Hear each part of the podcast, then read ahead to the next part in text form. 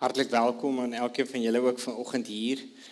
Um, mag ons saam wees in hierdie tyd regtig tot eer van die Here wees en mag ons regtig saam groei vanuit en deur sy woord.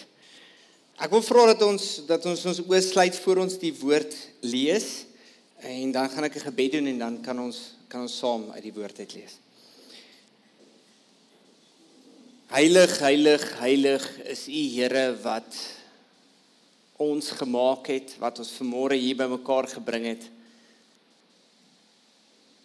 Wat weer eens Here vir ons uit u woord uit wil leer en wat ons wil laat groei sodat ons ook weet Here hoe ons hierdie dinge in ons lewe moet toepas, hoe ons dit moet uitleef.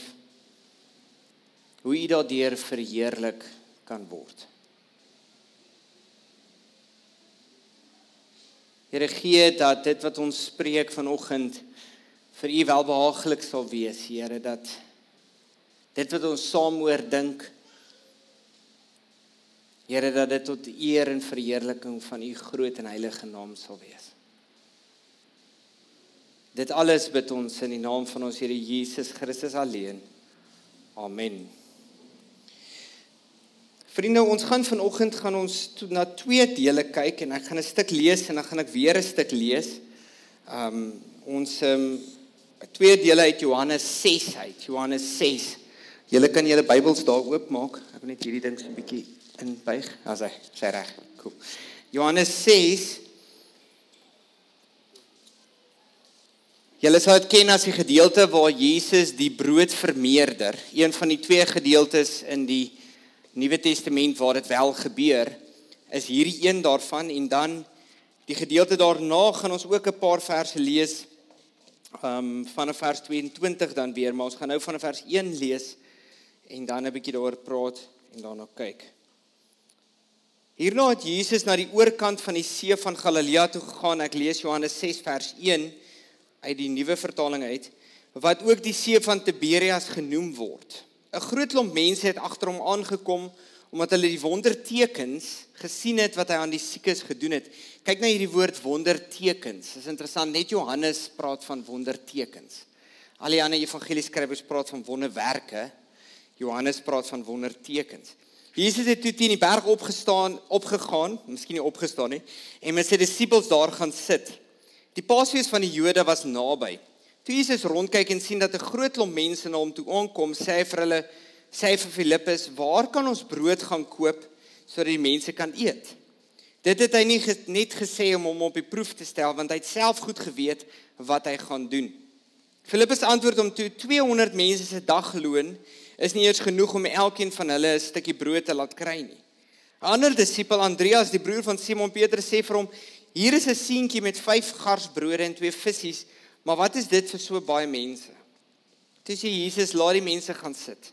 Daar was baie gras op daardie plek en die mense het gaan sit. Die mans alleen was omtrent 5000. Daarna het Jesus die brood geneem, God daarvoor gedank en dit uitgedeel. En aan die mense wat daar sit. En net so ek soveel van die vis was wat hulle wou hê.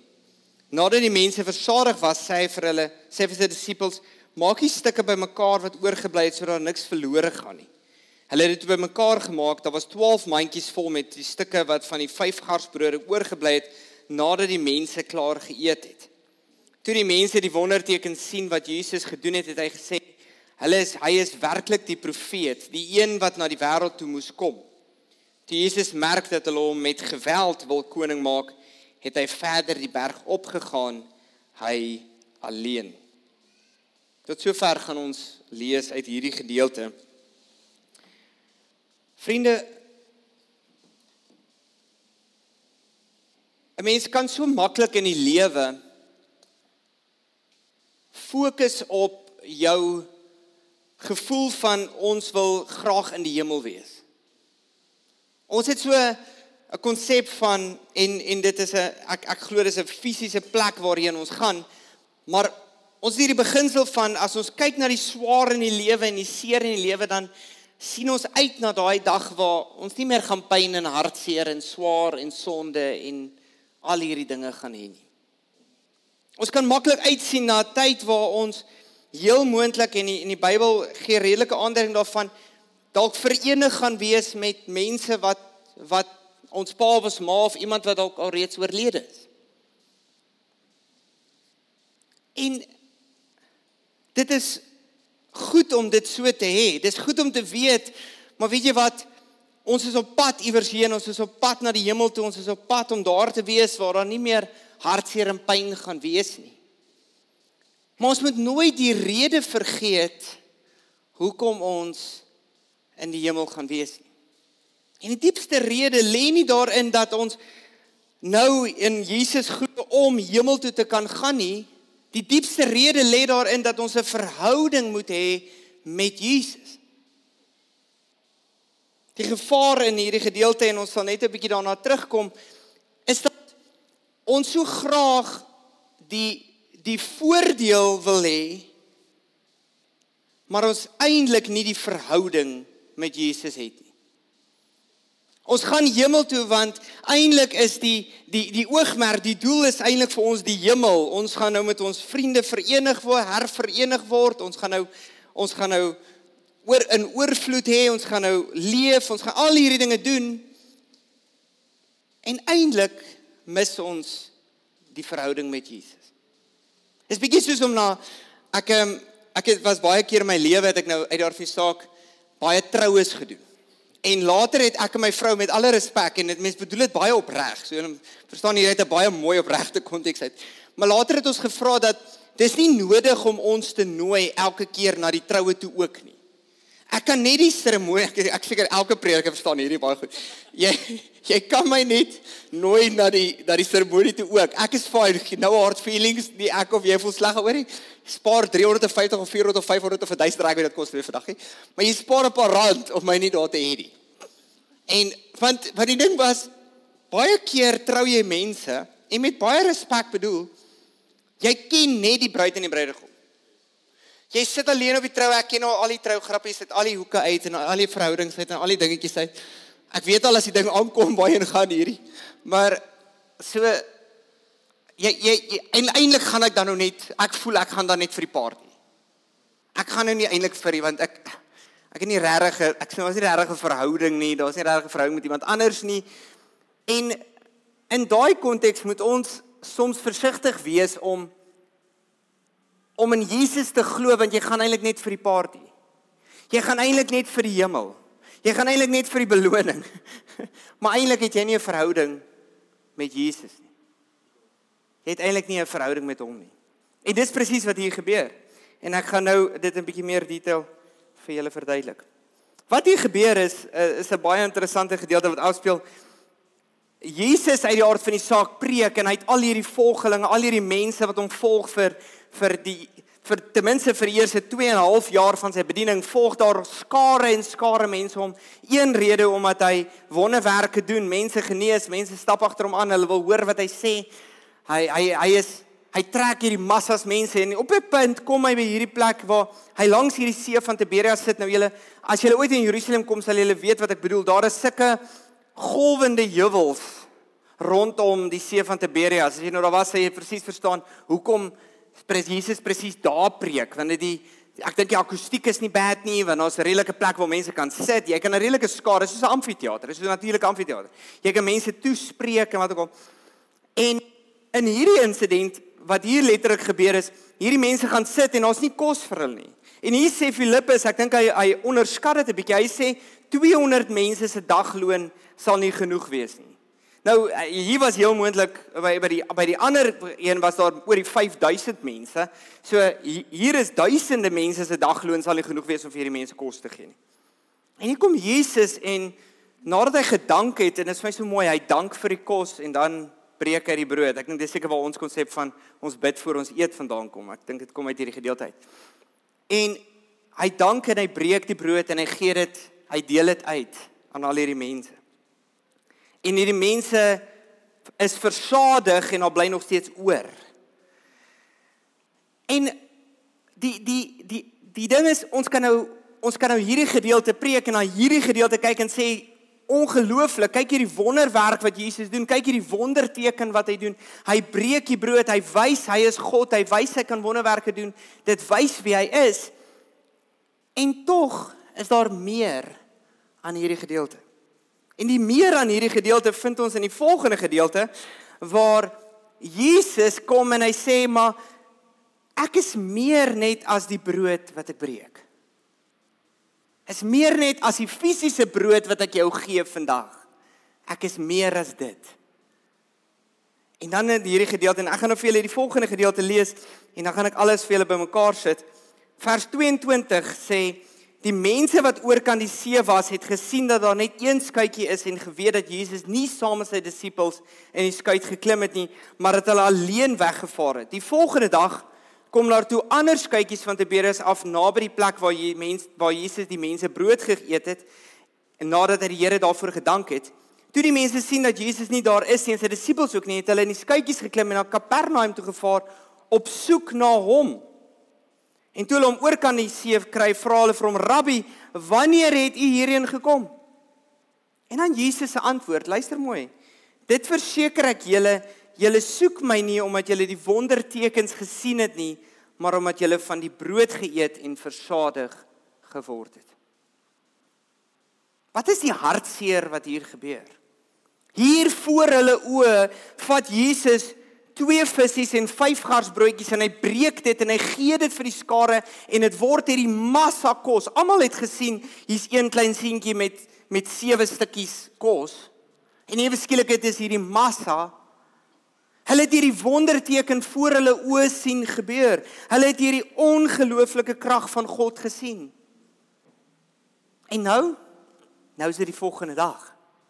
Nou het hierdie ouens, hulle het nou kos gekry. Hulle is nou opgewonde. Die Here het nou hierdie massa mense gevoed. Niemand hoef te werk nie. Hulle het nou kos gratis gekry. Wat gaan hulle nou doen?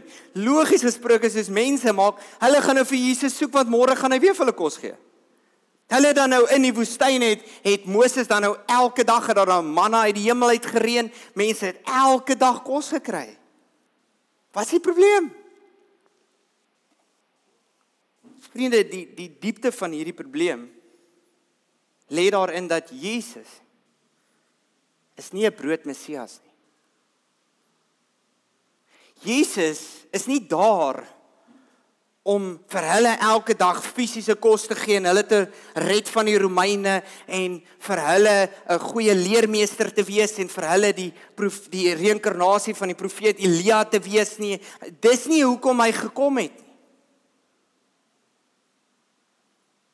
Hy het gekom om te sê ek is die brood van die lewe. Hy doen hierdie wonderwerk as 'n wonderteken soos wat Johannes dit beskryf. Hy sê dit is 'n pyltjie wat heen wys. Dis 'n pyltjie. Dis letterlik hierdie stukkie brood wat ek vir jou gee vandag is 'n teken van my sorg vir jou, maar dis ook 'n teken van my van my wat ek deel met jou. Julle moet nie werk vir die voedsel sê vers 27 wat vergaan nie, maar vir die voedsel wat nie vergaan nie en wat die ewige lewe gee. Dit sal die seun van die mens vir julle gee want God die Vader het hom die mag daartoe verleen.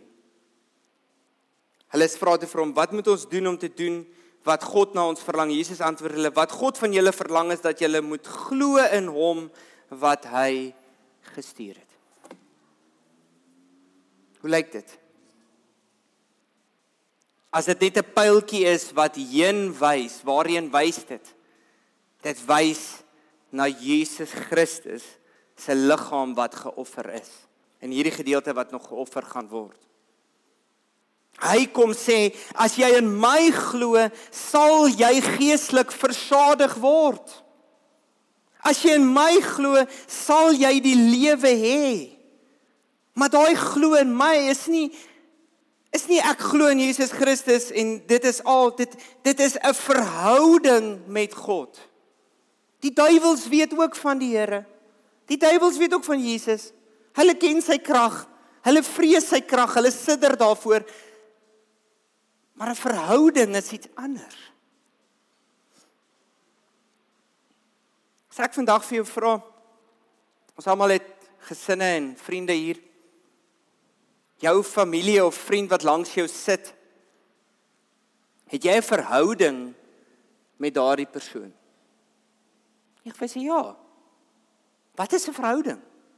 Verhouding is om jou lewe met iemand te deel, om opreg te wees, om saam met iemand 'n pad te stap, om iemand te vertrou, om om 'n om 'n om daar te wees vir iemand, om iemand te ondersteun, te onderskraag, jou lewe te deel. Hoe lyk ons verhouding met die Here, geliefdes? Hoe lyk ons verhouding met die Here meer as net Jesus, hy sorg vir ons dag tot dag. Aan die een kant vra verhouding, vra opoffering. Dit vra jy moet iets prys gee. As ek tyd aan aan my gesin spandeer, dan is dit tyd wat ek aan iets anders nie spandeer nie. 'n Ja is 'n nee en 'n nee is 'n ja. In daai konteks. Ek sê nee, ek kan nie nou hierdie doen nie want ek moet nou saam so my kinders buite rugby speel wat ons freaking elke dag moet doen. Maar ja, gebeur letterlik elke dag. Maar ja. In my beste werksklere moet ek elke dag rugby speel. Maar goed, en tackle en alles doen. Maar ja, wat ons elke dag moet doen. Maar dan is dit tyd wat ek nie spandeer aan iets anders nie. Dis opoffering. Maar dis ook vreugde. Dis ook gemoedelikheid. Dis ook in die deel van iemand in die omgewing van iemand wees en die omstandighede van iemand deel en in iemand se liefde en onderskraging deel. Maar dis nie 'n ding van wat se beloning gaan ek daai uit kry nie. Dis nie my konsep as ek aan my kinders dink, dink goed, ek moet nou saam met my kinders nou rugby speel. Wat se beloning kry ek? Okay, maar as my kyk as ek nou genoeg die bal skop en ek plaas nou hierdie ding en ek en ek leer my kind om nou mooi aan te tree en hy skop palle toe, hy gaan miskien 'n springbok word en weet jy wat, hy kan dalk kry en weer kry en as hy kry en weer kry, gaan hy 'n springbok word en hy springbok gaan hy baie geld verdien en dan gaan hy vir my kan sorg as ek oud is. Dis nie my uitgangspunt nie of ek wat dink jy dit is nie. so jy daai konsep is is jy dink nie aan dit waarheen jy gaan nie jy, jy fokus op die verhouding nou. En daarmee sê ek nie moenie dink oor die hemel nie. Daarmee sê ek nie moenie streef en en leef daarna en, en opgewonde wees en weet ons gaan hemel toe nie natuurlik. Maar op hierdie oomblik bou jy verhouding met die Here. Spandeer tyd saam met die Here. En dit lyk verskillend vir almal van ons. Uit die aard van die saak, ek kan nie vir jou sê staan elke môre 5 uur op en eh, spandeer 'n uur en dan ja, dit, dit lyk verskillend vir verskillende mense. Maar spandeer tyd saam met die Here. Anders as wat hulle hier gedoen het. Hierdie ouens het gekom vir Jesus en die voordeel en hulle het actually die verhouding gemis. En toe Jesus nie met die verhouding, toe Jesus sê nee, maar ek fokus op die verhouding. Ek gaan nie elke môre vir julle kos gee nie. Wat gebeur toe? Sê sê nee nee nee, wag bietjie. Wow. Hierdie gaan nie werk vir ons nie. Hy hulle letterlik vra hulle vir hom. Hulle sê watter wonderteken kan u doen sodat ons dit kan sien en in u glo? Hoeveel meer moet hy doen? Hy het nou net julle gevoed. Hy het 5000 mense nou net uit sewe stukkies kos gevoed. Hulle vra nog steeds vir hom, "Eh, maar wat se wonderteken kan hy doen?" Moses sê hulle, Hulle sê dit letterlik. Hulle sê ons voorouers het manna in die woestyn geëet, soos daar skryf dat hy het aan hulle brood uit die hemel gegee. Jesus sê dis nie Moses wat vir julle die brood gegee het nie, maar dis die Vader wat vir julle die ware brood uit die hemel gee. Hy sê hier is ek. Ek is die ware brood. Kom eet van my. Kom glo in my, kom deel in my. Vriende, ek wil afsluit met hierdie gedagte. Waarom doen ons wat ons doen? Wat is ons fokus? As jy jy's dalk by die werk en dit is dalk nie altyd maklik nie. Werk is maar wat dit is. Dit is dit is soms maklik en is soms moeilik. Soms is dit meer ingewikkeld, soms is dit minder ingewikkeld. Hoekom doen jy? Hoekom lewer jy jou beste werk elke dag? Want jy doen dit nie vir jou baas nie. Jy doen dit vir die Here. Jy doen dit omdat die verhouding wat in jou met Jesus is en wat met die Here is in jou helder sal skyn na die mense waarmee jy saamwerk. Sal helder skyn na die baas vir wie jy werk verstaan. Ek werk self in 'n sekulêre wêreld daar buite. Ek verstaan hoe werk die wêreld. Ek verstaan hoe dit lyk. Hoe skyn jy jou lig helder sodat ander ook bemoedig kan word daardeur? Dalk het jy mense saam wie jy werk wat so mismoedig is. Ons is nou in November, is nog moeiliker, maar so mismoedig is en wat net nie meer kan nie en hulle weet nie meer wat se kant toe nie en dit is chaos by die werk. Hoe skyn jy jou lig helder sodat hulle bemoedig kan word, hulle opgebou kan word? Dalk is dit nodig vir 'n ou te sê man, kom ons stap gou om die blok. Kom ons gaan drink 'n koffie saam. Kom ons gaan kry 'n bier later vanmiddag dat ons net 'n bietjie kan rustig word, dat ons kan saam gesels en saam kuier en en dat ons kan dat ek jou kan vertel van wat hoekom ek hoop het en hoekom ek bemoediging het en hoekom ek elke deur elke dag kom. Daai fokus. As jou fokus op Jesus is en nie die voordeel wat daarmee saamkom nie, dan lyk jou lewe ook verander anders dan lewe jy ook anders teenoor ander mense en kan hulle Jesus in jou sien en bemoedig word daardeur. Moenie die lig wat skyn uit jou onderskat nie. Moet dit nie onderskat nie. Jy sal nooit besef, baie keer is ons bemoedigend as Christene vir ander mense en ons besef dit nie. Die dag as jy sê nee, maar ek gaan nou nie meer die werk nie, ek gaan nou 'n ander werk doen, dan kom mense na jou toe en sê, jy kan nie gaan nie, jy jy's soos jy's soos die een wat die liggie bring vir ons. Jy besef nie eers die verskil wat jy maak nie. Gaan wees net die verskil. Gaan lewe dit wat in jou hart leef. Want jy weet nie weet jy vandag dalk geraak. Wat vandag dalk moes hoor. Die Here is goed vir hom. Die Here is lief vir hom of haar. Die Here gee om die Here is daar nie. Jy weet dit nie. Ek het altyd gedink dit sal wonderlik wees as mens in die hemel kom en daar's dalk mense wat dalk deur jou getuienis geraak is om in die Here te begin glo het. Of dalk net bemoedig was op 'n dag wat hulle nie meer kon nie. Hoe helder skyn jou lig in die wêreld daar buite. Vriende, ons gaan nou nagmaal gebruik en nagmaal is juis daai geleentheid wat ons as Christene en gelowiges 'n stukkie brood kry in ons hand wat 'n teken is, wat 'n pyltjie is, wat heen wys na die liggaam van Christus wat vir my en jou geoffer is. Die die wyn wat wys na die bloed van Christus wat vir jou en my gevloei het en die redding wat ons het, die verlossing wat ons het, maar ook verhouding wat ons het met Jesus. As jy vandag daai stukkie brood vat in jou hand en jy sit daai stukkie brood in jou mond en jy proe fisies die brood en jy ervaar dit, beleef dit deur jou sintuie fisies, dan dink jy terug aan dit wat dit Jesus gekos het. Hy het ook opgeoffer. Hy het sy lewe gegee sodat ek en jy die lewe kan hê. Hy het sy bloed laat vloei sodat ek en jy verlos kan wees. Sodat ek en jy in dankbaarheid kan leef elke dag. Ek gaan vir ons 'n gebed doen en dan gaan ek vra dat ons vir ons elkeen 'n stukkie brood en 'n bietjie wyn kom haal om ook die nagmaal saam te herdenk. Kom ons bid saam. Drenige God. Here, as ons stil word in hierdie oomblik, dan wil ons net weer beleef en ervaar, Here, dat U met ons is.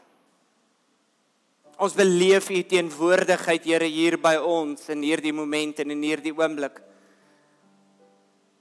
Here, as ons fisies hierdie stukkie brood vat en in ons mond sit, dan proe ons en dan weet ons en dan dink ons aan die verlossing wat daar is in Jesus Christus ons Here. As ons die wyn proe, Here, dan dink ons aan die bloed wat vir ons gemoes vloei op Golgotha sodat ons, Here, verlos kan word. Sodat ons 'n verhouding kan hê, nie om die die prys te kry of die, of in die hemel te kom nie, maar Here, omdat ons 'n verhouding met U wil hê. Want ons wil leef vanuit daardie verhouding na ander mense toe. Gee dat ons die lig sal wees, dat ons hoop vir mense sal bring, dat ons mense Jesus in ons sal kan sien. En dat U verheerlik sal word. Dankie vir die voedsel wat U gee, Here. Dankie dat U vir ons sorg. Dankie dat U die lewende brood is wat van die hemel af neergedaal het. Wat ons van kan eet. En wat ons kan weet, Here, U is ons God. U is ons verlosser, U is ons herder, is ons Here. U is die brood van die lewe. Amen.